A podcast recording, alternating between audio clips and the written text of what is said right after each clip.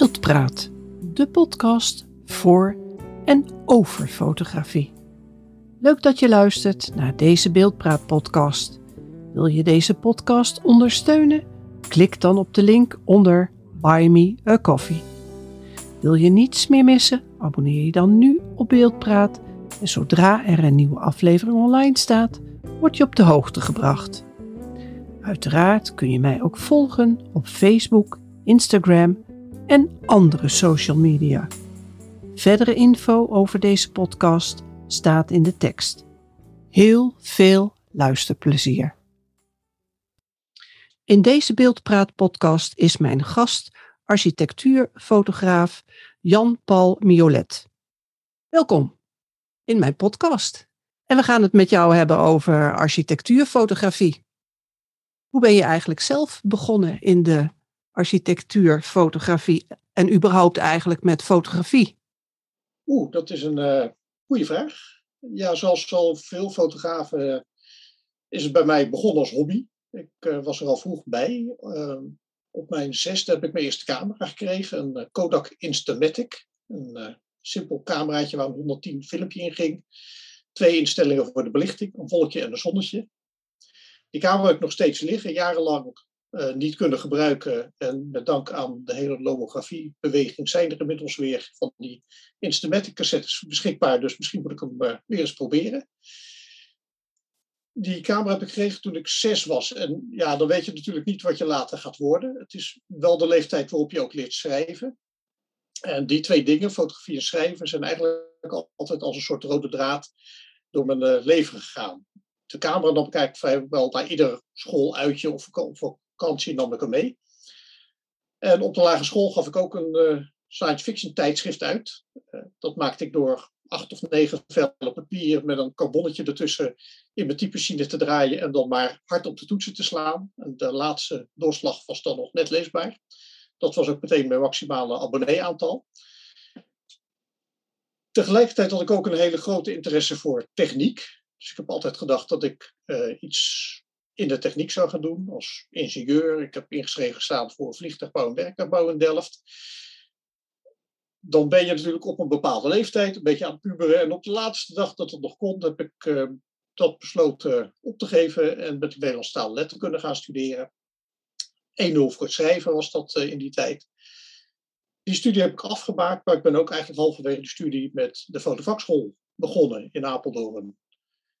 Toen had je nog een fotovakdiploma nodig als je iets wilde gaan doen in de fotografie. Een paar maanden voor het behalen van mijn diploma werd die regeling afgeschaft. Had ik hem dus eigenlijk niet meer nodig, toch maar afgemaakt. Uh, en mijn eerste baan, betaalde baan, was wel uh, als fotograaf. Ik heb dat eigenlijk heel lang gedaan, totdat ik na een aantal jaren ben geschreven ook voor fototijdschriften. Dus uiteindelijk is dat schrijven ook weer een onderdeel geworden van, uh, van mijn leven. En het zijn de twee dingen die ik nog steeds heel veel doe. Architectuurfotografie is pas weer een veel latere ontwikkeling. Uh, als fotograaf heb ik altijd veel uh, interesse gehad in het fotograferen van mensen. Ik heb in mijn studententijd veel met theater gedaan, theatervoorstellingen gefotografeerd ook. En daarnaast fotografeerde ik veel op straat. Theaterfotografie is nog steeds een, uh, eigenlijk een hele grote liefde van. Naast de expressie van acteurs, uh, waar je een hele grote concentratie voor nodig hebt om dat goed te, te, fotograferen en een goede timing nodig hebt, zijn ook het licht en de vormgeving van een voorstelling heel erg mooi om vast te leggen.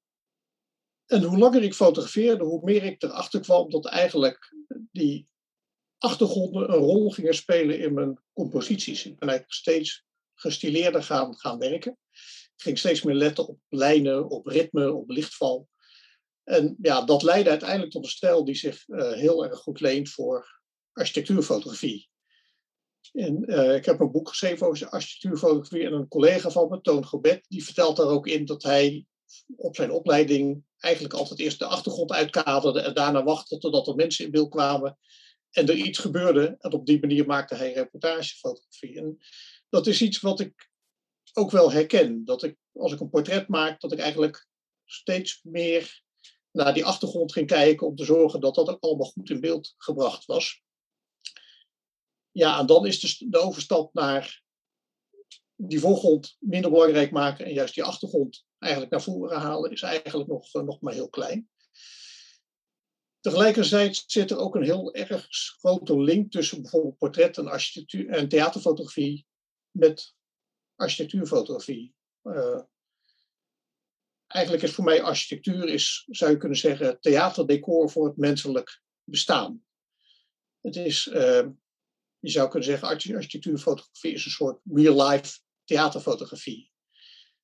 En tegelijkertijd is een architectuurfoto voor mij ook eigenlijk een portretfoto van een gebouw. Je gaat op zoek naar een lichtval of een hoek waarbij het gebouw de meeste expressie krijgt, waarbij het gebouw het meest tot je spreekt.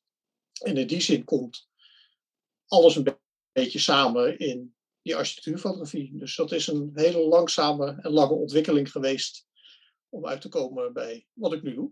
Ja, en heeft het misschien ook te maken, de plek waar je bent opgegroeid, onder de rook van Rotterdam, dat jouw interesse voor architectuur gewekt is? Ja, dat denk ik wel. Uh, om te beginnen is architectuur zo interessant omdat het zoveel omvattend is. Het is meer dan het depotgebouw in Rotterdam of het zoveelste grote uh, hoofdkantoor aan de Zuidas in Amsterdam.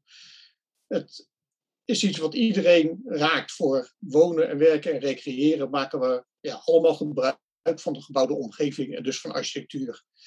Uh, maar die fascinatie voor, voor die architectuur, die komt inderdaad, denk ik wel, uit mijn jeugd. Al realiseerde ik me dat de eerste jaren niet zo sterk. Het is iets waar je onder andere door het schrijven van het boek ook zelf over na ben gaan denken van waar, ligt die, waar liggen die roots. En ik ben opgegroeid in, uh, op Voor de Putten, dat is een eiland onder de rook van Rotterdam. Uh, als ik achteruit mijn raam keek, keek ik uit over weilanden, polder. En als ik vooruit mijn raam uh, keek, dan zag je de vlammen van de raffinaderijen van Penis. Dus je zou kunnen zeggen, ik ben een beetje opgegroeid op de grens van grijs en groen. In het dorp zelf was niet zo heel veel. Een supermarktje, een bakker, uh, slagerij, weet ik eigenlijk niet eens meer. Wel een snoepwinkel, kan ik me nog herinneren, waar je voor een halve cent een dropje kon kopen. Maar op het moment dat je schoenen nodig had of kleding, dan gingen we naar de grote stad, naar Rotterdam. En ja, als iemand uit een klein dorp zit je dan te vergapen aan de, voor die tijd, zeker moderne wederopbouwarchitectuur in, op de lijnbaan, op het beursplein, wat ja, voor mij toen hele grote gebouwen waren. En waar het ook altijd spannend was om tussen te vertoeven. Dus ik denk dat daar inderdaad wel die, die fascinatie voor, voor architectuur en voor de verandering die bepaalde architectuur uh, teweeg kan brengen, begonnen is.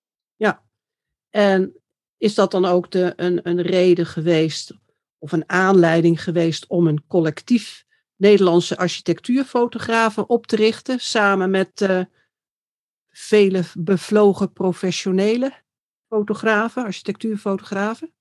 Ja, dat is daar een, uh, zeker ook een gevolg van. Uh, je hebt het dan over de DAF, de Dutch Architectural Photographers. Ja, ik denk ik laat het jou even mooi uitspreken. ja, het is een, uh, we hebben de naam in het Engels eh, bedacht, maar de afkorting uh, heeft natuurlijk ook een hele sterke link naar een oer-Hollands product. Dus dat, en dat is ook heel erg bedoeld om die link te hebben. dat collectief is voortgekomen eigenlijk uit een groep waarmee we al een tijd samenkwamen van fotografen met interesse in architectuurfotografie. En daar, daarmee praten we over architectuurfotografie, over ontwikkeling in het vak, over techniek. En daar is eigenlijk een uh, harde kern uit overgebleven. Van mensen die het idee hadden van we kunnen deze samenwerking misschien wel veel intensiever maken en daardoor er ook veel meer uithalen.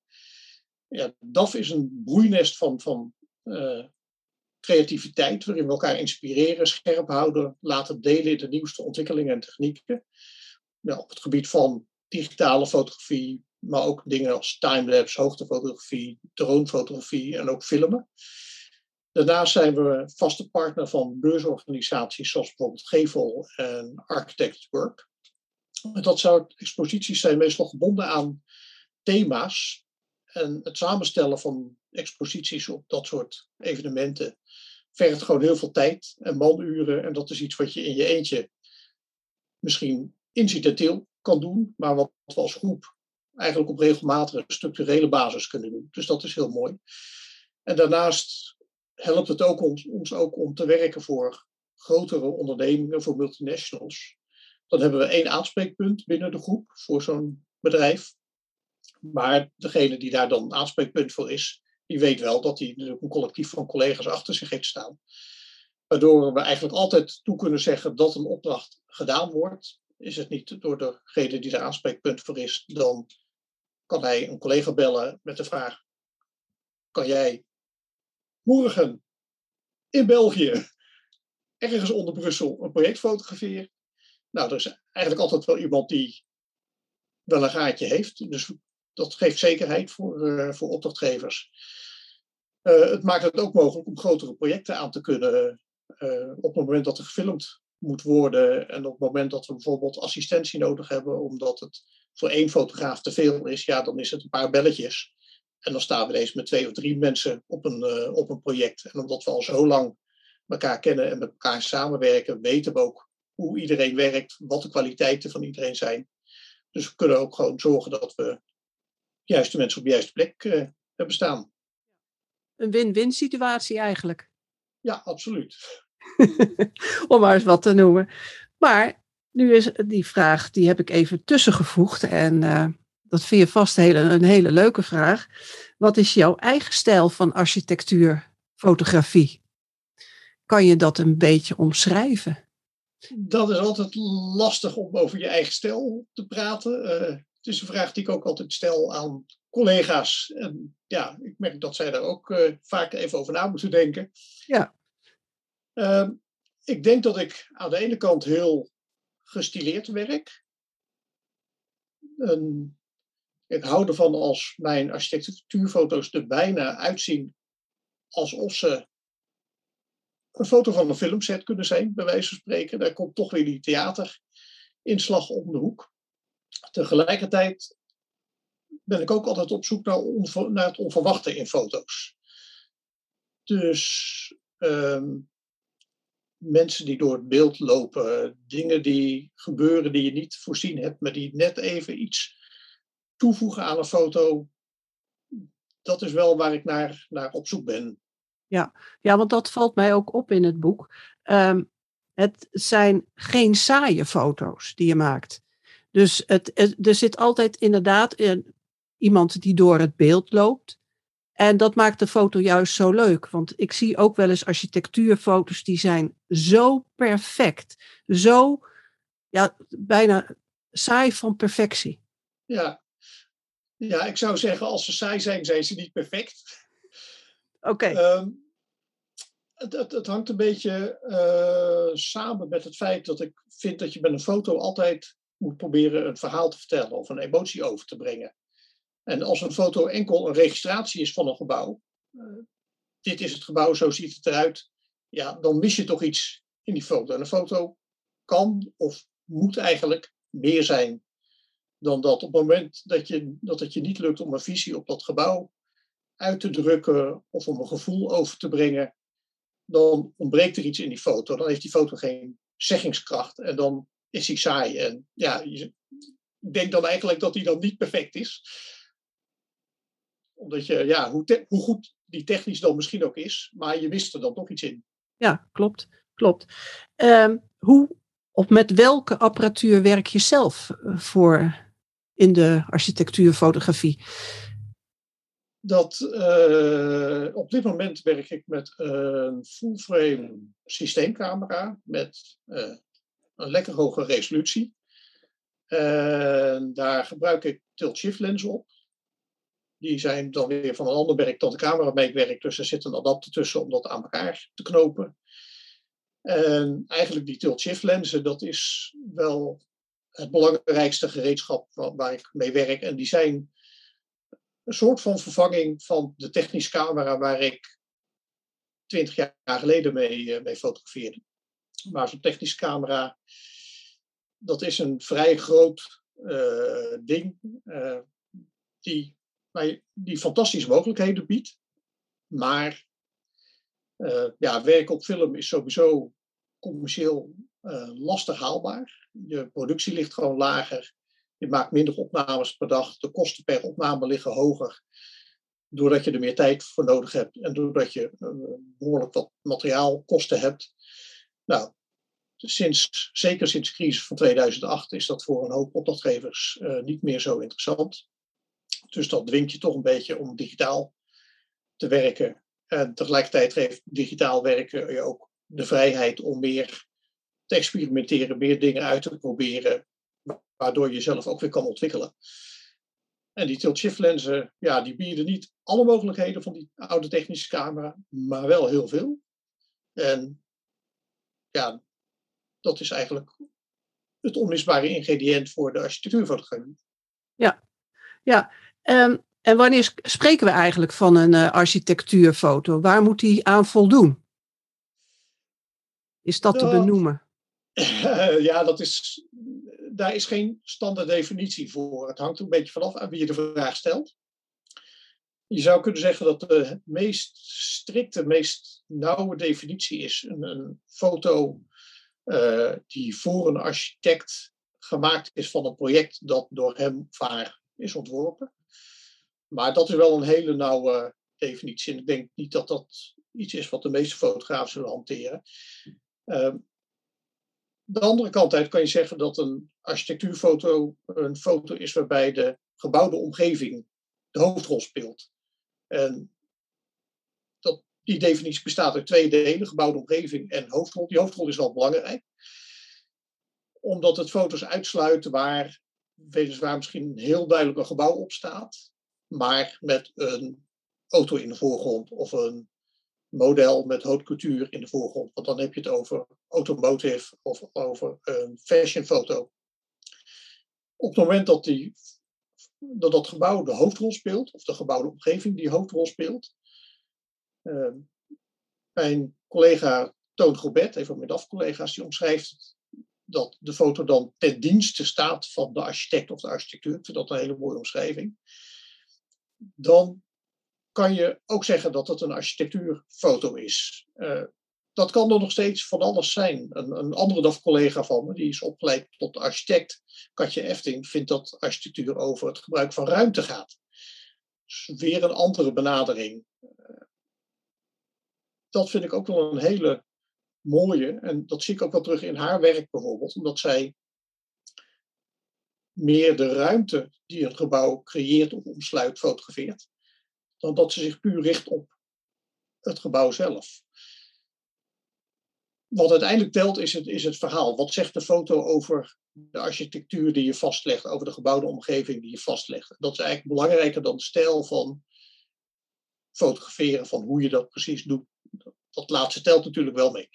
Ja, ja en heeft het dan ook te maken, uh, of versterkt het ook als je in serie werkt? Meer is meer, schrijf je in het boek? Uh, ja, dat denk ik wel. Uh, dat heeft ook wel te maken met bijvoorbeeld de opkomst van nieuwe media. Een jaar of vijftien geleden, twintig geleden zeker, waren eigenlijk tijdschriften de belangrijkste bron van informatie als je iets wilde weten over architectuur. Daar stonden foto's in en meestal had je dan een beperkte hoeveelheid foto's die bij zo'n artikel konden worden afgedrukt. Een grote met een paar kleintjes was een beetje de norm. Ook dan praat je natuurlijk al wel over een, over een serie. Vaak heb je dan een overzichtsfoto, een paar detailopnames, misschien een interieur erbij. Tegenwoordig met social media kan je natuurlijk veel grotere series laten zien en veel meer beeld laten zien. Kan je een serie op Instagram zetten van 20 foto's. Kan je een aantal foto's op Facebook zetten en weer andere op LinkedIn en tegelijkertijd nog een andere serie uh, op de website. En dat zijn allemaal dingen waardoor je het verhaal van het gebouw tot in meer detail kan, kan vertellen. En dat is wel interessant. Ja, ja, want bij, de meeste mensen zullen uh, bij een architectuurfoto denken aan een gebouw. Maar er zijn natuurlijk meer soorten. Ja, architectuurfotografie is heel breed. Zoals ik al zei, van, van, het is misschien wel beter om over de gebouwde omgeving te spreken. Ik heb het ook wel vaak over projecten, want een project kan ook zoveel meer zijn dan één gebouw. Dat kan een, bij wijze van spreken een hele woonwijk zijn, dat kan een industrieel complex zijn. Het kan een infrastructureel uh, bouwwerk zijn, een uh, verzameling van sluizen, dijken. Dat heeft eigenlijk allemaal met architectuur te maken. En dan heb je natuurlijk ook te maken met de schaal waarop je het fotografeert. Het begint bij stedelijke inbedding, bij luchtfotografie, waarbij je eigenlijk het hele gebouw laat zien, tot nou, iets dichterbij dat je een overzichtsfoto van misschien een gebouw laat zien. Detailopnames van een gebouw, maar ook interieuropnames, opnames van het gebruik. Foto's waarbij je mensen in beeld gaat brengen die gebruik maken van dat gebouw. Ja, dat zijn eigenlijk allemaal lagen van, van, van, uh, van architectuurfotografie. En ja, die laatste, dat, dat gebruik vind ik ook wel een hele belangrijk, omdat een gebouw zonder dat je daar gebruikers, en gebruikers hoeven niet per se mensen te zijn, het kan ook een uh, paviljoen van een dierentuin zijn waar uh, apen in zitten of zebra's. Maar dat zijn dan ook de gebruikers. Pas dan komt dat gebouw eigenlijk tot leven. En tot die tijd zou je kunnen zeggen, is het misschien niet meer dan de lege huls. Ja, ja. nou heb je natuurlijk uh, de architectuurfotografie en het auteursrecht. En daar is de laatste nou ja, tijd veel over te doen geweest, want je maakt een foto van de Erasmusbrug en die zet je te koop op werk aan de muur bijvoorbeeld, Aha. of een ander gebouw. Uh, mag dat zomaar? Officieel moet je voor dat laatste, uh, als je een foto maakt van de Erasmusbrug en je zet die te koop, ehm, de architect heeft, net als de fotograaf, auteursrecht op, de, op een architectuurfoto. In de praktijk, je mag in ieder geval, laten we om te beginnen zeggen dat je in Nederland eigenlijk alles mag fotograferen wat je vanaf de openbare weg kan zien. Pas wanneer je het op een bepaalde manier gaat gebruiken, heb je kans dat je tegen dat auteursrecht aanloopt. En die Erasmusbrug is een bekend voorbeeld, omdat de architect daarvan uiteindelijk een rechtszaak heeft aangespannen tegen het overmatige gebruik wat er van zijn project uh, gemaakt werd. Hij heeft dat overigens niet gewonnen, uh, omdat die brug uh, aan de ene kant met publieke middelen gebouwd is, waardoor werd gezegd van ja, daardoor hoort deze brug ook tot het publieke domein. En een andere reden die werd aangevoerd was dat ook al die publiciteit die er, uh, die, die brug genereerde, eigenlijk zorgde voor een uh, zo grote bekendheid van de architect dat dat ook een soort van vergoeding was, zou je kunnen zeggen. Uh, in de praktijk zal een architect niet zo heel snel dat auteursrecht ook daadwerkelijk claimen. Omdat natuurlijk een architect, een architect ook bij gebaat is dat dat project ja, in de openbaarheid komt. En gebouwen kunnen nu eenmaal niet reizen, maar foto's wel. Dus fotografie is een heel belangrijk middel om te zorgen dat dat project ook bekend wordt. Uh, er zijn een paar uitzonderingen. Je noemde die Erasmusbrug al. Uh, op het moment dat er heel veel merchandising van een bepaald project gemaakt wordt, zonder dat de architect daar op enige wijze bij betrokken is, kan het zijn dat de architect denkt van ja, tot hier en niet verder. En een andere uh, mogelijkheid is dat de architect zelf nog niet in de gelegenheid is geweest, omdat het project bijvoorbeeld nog niet helemaal af is, om zijn eigen fotograaf er naartoe te sturen en zijn eigen visie in foto's naar buiten te brengen. En dan willen ze ook nog wel eens een keer proberen publicaties door anderen uh, tegen te houden. Om te voorkomen dat er een bepaalde beeldvorming rondom een gebouw of een project ontstaat.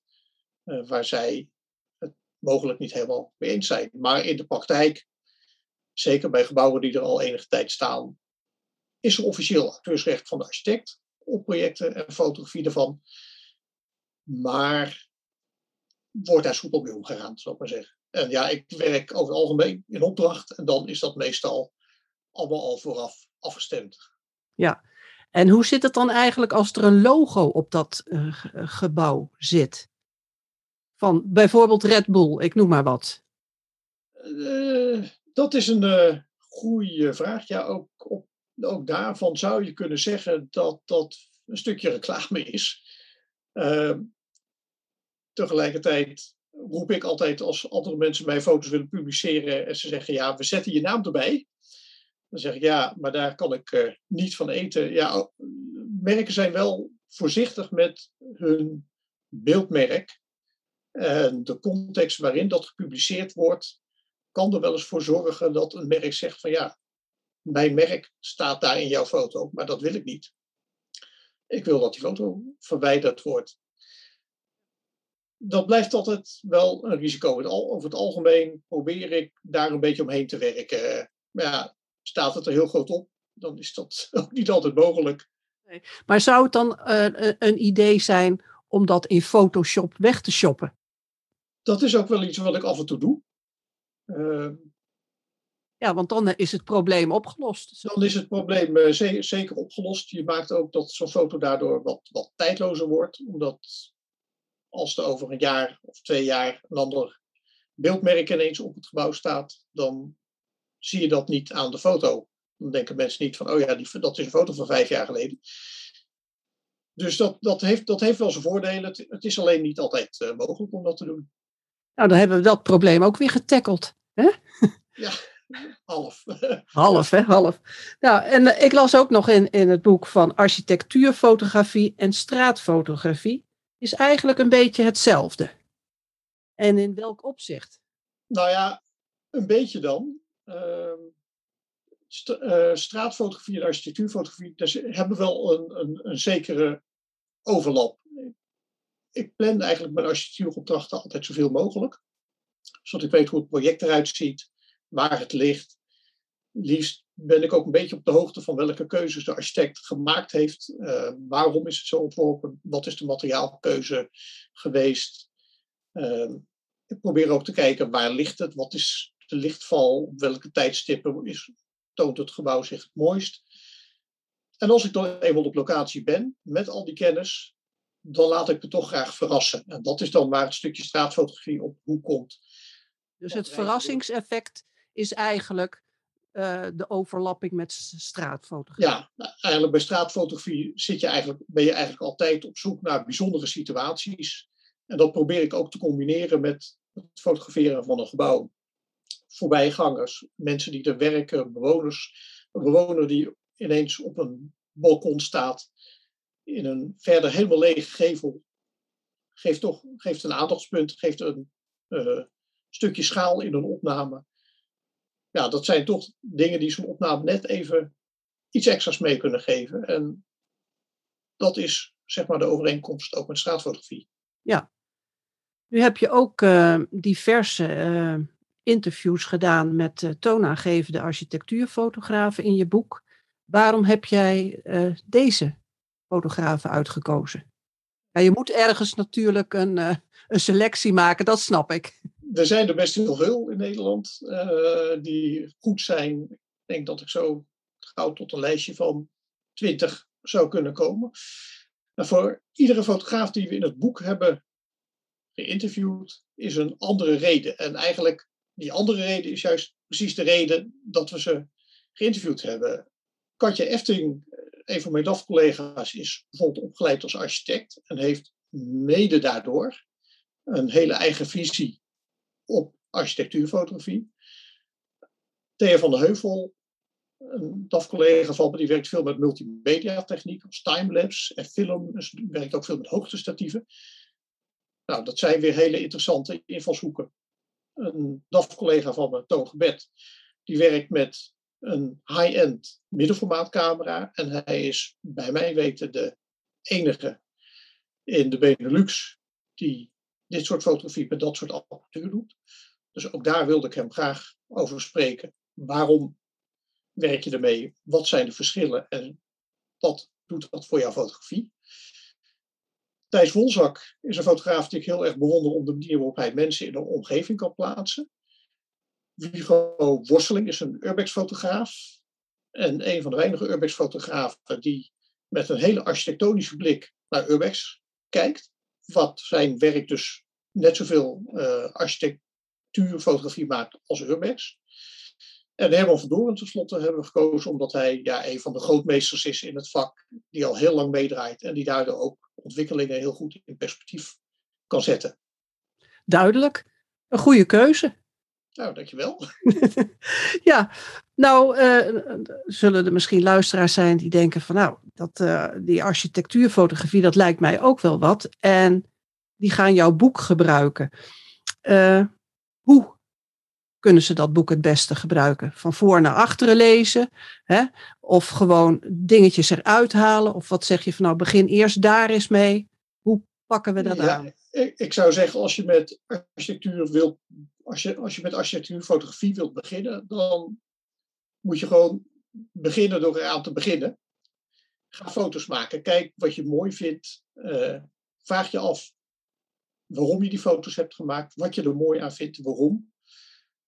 En lees daarna eigenlijk pas het boek. En als je het boek dan van voor naar achter hebt doorgelezen, dan kan je er stukjes uit gaan halen die je nog wilt herlezen, omdat je denkt van hé, hey, daar heb ik iets, ben ik iets tegengekomen wat ik handig vind voor mijn fotografie, of wat ik, waardoor ik mijn foto's anders zou kunnen gaan maken. Dus je gebruikt het daarna pas als referentie om je eigen werk mee, mee, mee terug te kijken. Wat belangrijk is, is dat je een eigen stijl en een eigen visie op het vak ontwikkelt. En als je eerst begint om een boek door te lezen, of dat nou voor mij is of van anderen, en je gaat dat proberen na te maken, dan, ja, dan word je een soort copycat en eigenlijk zit niemand te wachten op werk dat lijkt op werk van iemand anders.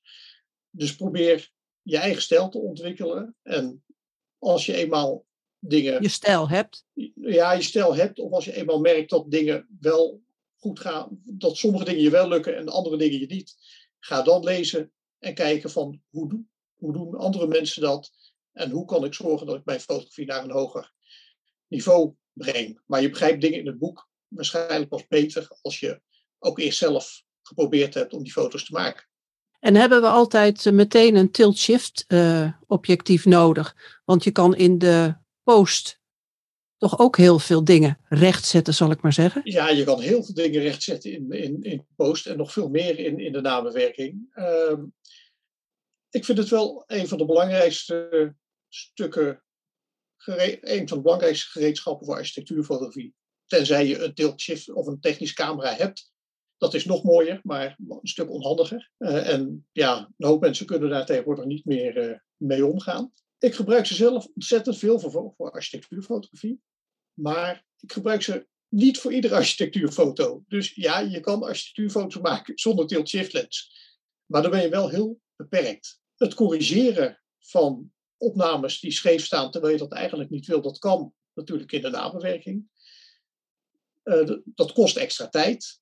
Het kost je ook een stukje beeldkwaliteit, maar dat is nog niet eens het grootste nadeel. Het grootste nadeel is eigenlijk dat je veel minder controle hebt over de compositie en daarmee over je eindresultaat. En met zo'n tilt-shift lens kan je je opname direct ter plekke helemaal goed krijgen. En dat is ja, de meerwaarde ervan, dat je veel meer controle hebt over het beeld wat je wilt maken. En als je dan geen tilt-shift gebruikt, welke, welke lens gebruik je dan? In jouw geval bijvoorbeeld? Eigenlijk, nou, als ik, als ik geen tilt-shift lens gebruik, dan zijn het over het algemeen langere brandpunten om bijvoorbeeld wat meer detail te schieten. Zodra ik een groothoek nodig heb, dan wordt het eigenlijk standaard de tilt-shift.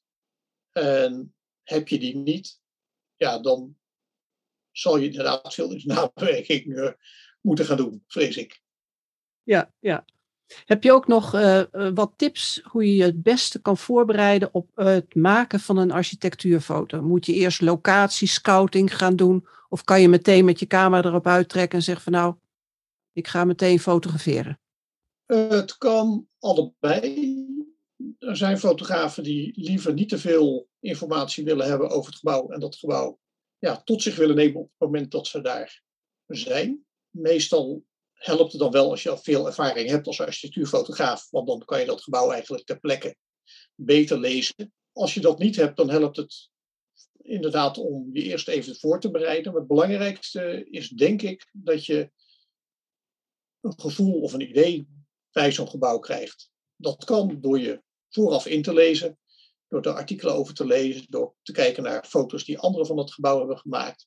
je af te vragen wat je daarvan vindt, uh, wat het gebouw met je doet. Het kan ook door inderdaad dat ter plekke op locatie te doen, om het gebouw heen te lopen, te kijken. Het belangrijkste is eigenlijk dat je zo'n foto eerst in je hoofd maakt en dan pas met je camera. En dat is eigenlijk de belangrijkste tip. Neem tijd om eerst goed te kijken. Wat vind je van het gebouw? Wat wil je, ermee, wat wil je met die foto zeggen? Wat wil je ervan laten zien? En dan pas ga je dat statief neerzetten, zet je die camera erop en maak je dat beeld wat je eigenlijk bedacht hebt. Dan zit er ook een idee en een verhaal achter die foto. En komen we terug bij even je eerste vragen. Van wanneer is een foto saai? Ja, als je er gewoon een plaatje van maakt zonder dat daar verder iets van emotie of gevoel achter zit in de foto. Zijn er op dit moment nog nieuwe ontwikkelingen op het gebied van de architectuurfotografie? Ja, eh, fotografie is dan misschien een uh, lastig woord. Uh, om te beginnen zijn er de inmiddels gebruikelijke schommelbewegingen van zet je wel of geen mensen in een foto. Dat is ook een beetje afhankelijk van de opdrachtgever. De een wil een foto die heel clean en gestileerd is, de andere juist zoveel mogelijk leven in een foto. Technische ontwikkelingen die deels samenhangen met digitale fotografie, uh, groot dynamisch bereik, mogelijkheden om HDR-opnames te maken, het vervangen van luchten, dat zijn dingen die je wel steeds meer ziet gebeuren in de fotografie. Uh, maar eigenlijk de grootste verandering is misschien wel uh, de opkomst van, van social media. We hadden het er net al over dat een aantal jaar geleden tijdschriften eigenlijk het belangrijkste medium waren. Dat wordt nu langzamerhand verdrongen door social media. En op social media kan je veel makkelijker veel meer beeld laten zien en ook bewegend beeld. En ik denk dat een van de dingen die nu in opkomst is, dat is uh, filmen. Dus dat is eigenlijk geen fotografie. Er is nog heel weinig goed bewegend architectonisch beeld, maar ik denk wel dat dat een kwestie van tijd is. Dus, uh, ik ben er zelf mee bezig, collega's van me zijn er mee bezig. We zijn aan het zoeken van hoe maak je inderdaad heel mooi pakkend beeld. Fotografie zal niet verdwijnen, want soms is de zeggingskracht van één enkel beeld groter dan van een halve minuut film. Maar met de technische mogelijkheden om stukjes film te laten zien van gebouwen en daar eigenlijk in een halve minuut of een minuut heel snel verschillende aspecten van een gebouw te laten zien, ja, dat brengt wel een uh, verandering met zich mee. Ja, en het een hoeft het andere niet uit te sluiten natuurlijk. Hè? Dus uh, het kan elkaar uh, versterken. Ja, film heeft theater tenslotte ook niet vervangen. Het bestaat gewoon naast elkaar en dat zal met fotografie en film ook wel zo blijven. Nu verzin ik eventjes, in, jij werkt veel in opdracht, mm -hmm. maar er zijn natuurlijk ook architectuurfotografen die vrij werk maken. Ja. En nou zit ik me af te vragen van, ja, hoe breng je dan je architectuurfoto aan de man? Want er moet natuurlijk brood op de, op de plank komen. Uh, ja, als je dat als vrij werk wil doen, er zijn zeker mogelijkheden voor. Ga je dan met je foto uh, ja, langs uh, de eigenaar van het gebouw, het huis of zoiets zegt van ik heb een mooie foto enzovoort. Maar ja, dat zet natuurlijk ook geen zoden aan de dijk. Nou ja, ik denk dat een van de, van de voordelen van het maken van vrij werk is dat je er veel meer een eigen visie nog in kan leggen. In opdracht ben je toch altijd uh, gebonden aan de, het verwachtingspatroon van je opdrachtgever, aan de wensen van je opdrachtgever. Meestal dicteren ze niet hoe die foto er precies uit moet zien. En vinden ze het prettig als ik daar mijn eigen stijl en mijn eigen visie ook overheen leg. Zodat die foto net iets meer wordt dan wanneer zij zelf de camera zouden hebben gehanteerd. Maar als vrijwerk kan je dat natuurlijk naar een heel ander niveau trekken. En een fotograaf waar ik dan bijvoorbeeld aan zit te denken is iemand als uh, Hans Wilschut, die niet per se alleen maar architectuur fotografeert, maar zijn fotografie is daar wel aan verwant, maar die projecten maakt die over hele brede thema's kunnen gaan. En dan kom je meer terecht in, in het werk verkopen als, als, als kunst. Dan kom je eigenlijk veel meer terecht in de museale sector, in het verkopen van je foto's als autonoom werk. En waarschijnlijk minder snel bij tijdschriften of architecten bijvoorbeeld. Nou hebben we dit een, een klein beetje architectuurfotografie in deze podcast gedaan. En hoop ik dat wij de luisteraars een beetje nieuwsgierig hebben kunnen maken naar jouw boek. Wil je nog iets toevoegen of wil je nog ergens op terugkomen? Als, het, uh, als we alles een beetje besproken hebben, dan uh, is dat ook prima. Uh, ik zou ook eigenlijk gewoon zeggen, lees het boek, want ja, het geeft ook weer nieuwe inzichten in architectuurfotografie. En daar komt ja, weer heel wat anders bij kijken dan modelfotografie. Ja, ik zou zeker zeggen, lees het boek en ga er vervolgens op uit, neem die camera mee en leg die projecten vast. Ja, goede tip. Mag ik je van harte bedanken, Jan-Paul, voor uh, dit interview. En ik vond het leuk om te doen. En wie weet, doen we nog eens een keer een podcast als je weer een mooi boek hebt geschreven. Ik uh, ga mijn best doen. Oké, okay, dankjewel. Dit was de podcast met Jan-Paul Violet. Voor meer informatie, kijk dan in de tekst bij deze podcast. Hierin staat ook de link om het boek Architectuurfotografie te bestellen. Iedereen bedankt en tot de volgende beeldpraat.